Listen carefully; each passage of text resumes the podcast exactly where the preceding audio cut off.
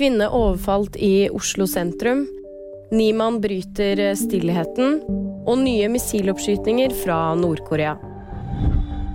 En kvinne ble onsdag kveld overfalt og voldtatt i Oslo sentrum. Politiet søker etter en gjerningsmann, men ingen er så langt pågrepet. Kvinnen ble sendt til legevakten og skal ikke være kritisk skadet.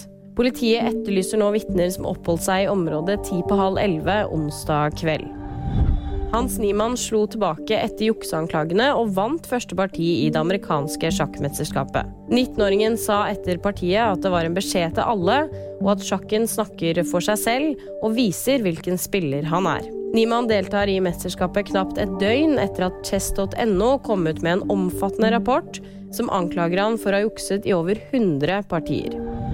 Nord-Korea skal ha avfyrt to kortdistanse ballistiske missiler. Det melder det sørkoreanske forsvaret. Missiloppskytingen, som er den sjette på under to uker, kommer ifølge AFP som et svar på at USA og Sør-Korea har militærøvelser i regionen. Og VG-nyhetene de fikk du av meg, Kaja Marie Andreassen.